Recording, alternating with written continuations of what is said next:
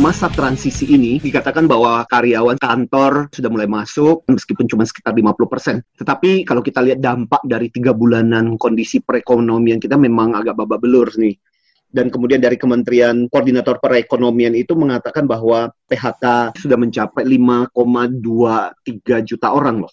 Dan dikatakan angka kemiskinan itu bisa bertambah sampai 4,86 juta Nah, kita mesti perlu ketangguhan yang luar biasa menghadapi situasi. Di satu sisi kita menghadapi virus yang masanya belum selesai dan nggak tahu kapan akan selesai. Di sisi lain kita menghadapi tantangan ekonomi seperti ini.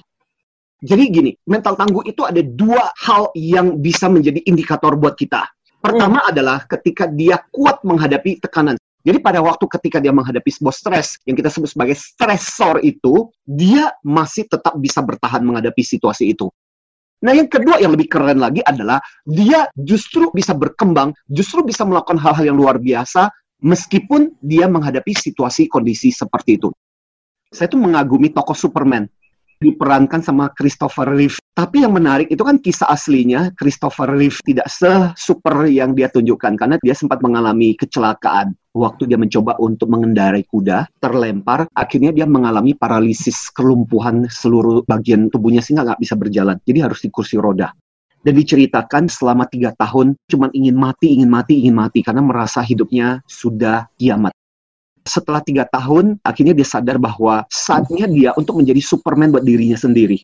Justru yang luar biasa adalah dia menjadi salah satu pembicara yang sangat inspiratif. Jadi orang mental tangguh itu sebenarnya orang yang memiliki 4C. Pertama-tama adalah kontrol.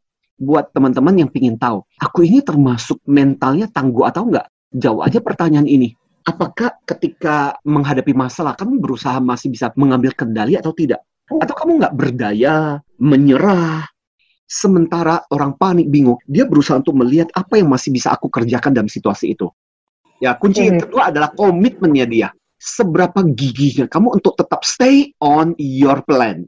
Pikirannya itu masih tetap mengarah kepada apa yang mesti dia kerjakan. Dan dia masih gigih bergerak ke sana. Fokus perhatiannya bukan pada masalahnya.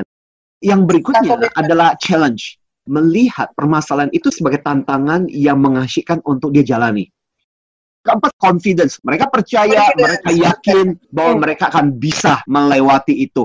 Dan keyakinan inilah yang kemudian menular daya kepercayaan dirinya itu yang membuat orang mau banyak berurusan dengan dia. Kalau selama ini kan kita menginformasikannya supaya orang tua nggak stres, bisa nggak sih anak-anaknya dilatih?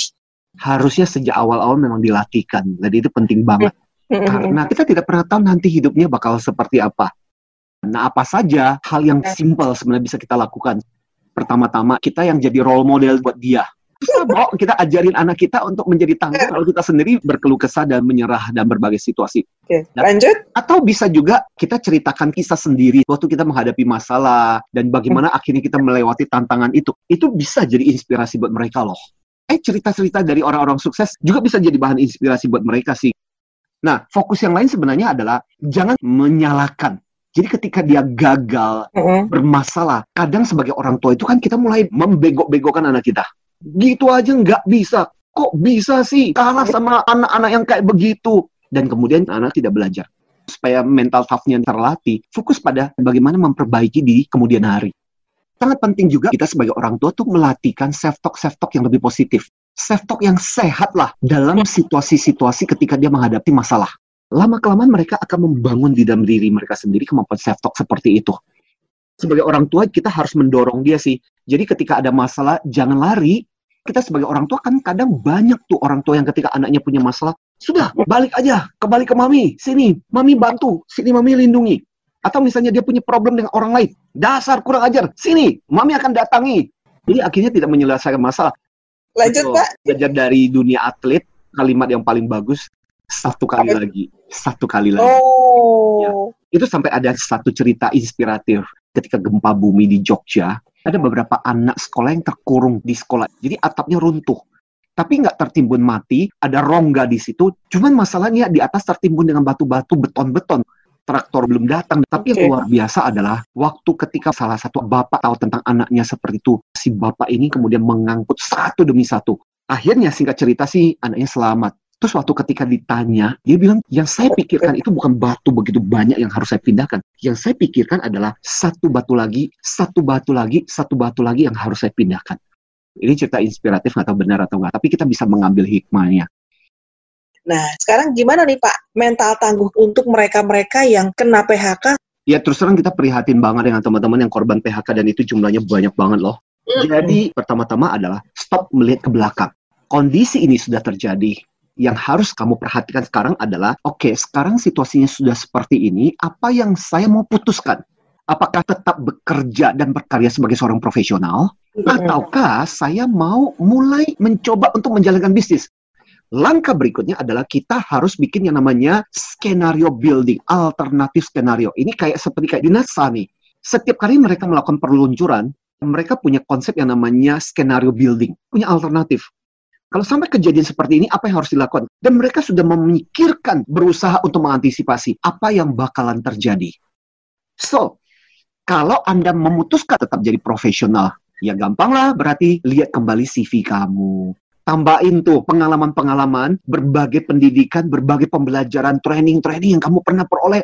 Dan berikutnya adalah CV kamu mulai harus kamu kirimkan Ya, paling gampang itu memulai dari orang yang kita kenal karena dia sudah tahu tentang dirimu dan tahu tentang kemampuanmu. Dan jangan berharap juga bahwa sekali coba harus langsung berhasil, langsung sukses. Balik lagi kepada mental toughness-nya kita. Sambil Anda sendiri belajar untuk memoles kemampuan untuk interview. Nah, sekarang ini kan banyak interview dilakukan secara online. Yang mau menjalankan bisnis, cari kesempatan bisnisnya apa, belajar dari orang-orang yang tahu, cari mentor. Kita mau tutup dengan tips yang judulnya tangguh. T adalah terima kenyataan yang ada semakin kamu cepat terima kenyataan itu, semakin kamu cepat untuk bisa move on. Kemudian, okay. nah, akui saja, kalau kita memang membutuhkan support, dukungan tidak harus selalu bentuk finansial, tapi hmm. juga bisa berupa saran, masukan. Uh. Kemudian, and, niatkan diri kita untuk tidak melakukan hal-hal yang bodoh. Ada yang sampai melakukan hal-hal yang kriminal dong. Atau misalnya lebih bodoh lagi, sampai mau bunuh diri, Berikutnya okay. G, gunakan fokus pada kemajuan bukan keberhasilan. Kalau keberhasil kita harus sukses berhasil dan itu tambah stres. Tapi -hmm. kalau kemajuan kita bisa menilai. Kemarin aku nggak tahu tentang apa, tapi sekarang hari ini aku jadi tahu loh. G berikutnya. G berikutnya. Gunakan best self-nya kita untuk menasihati. Jadi gini, secara teori psikologi, diri kita itu punya bagian-bagian yang berbeda.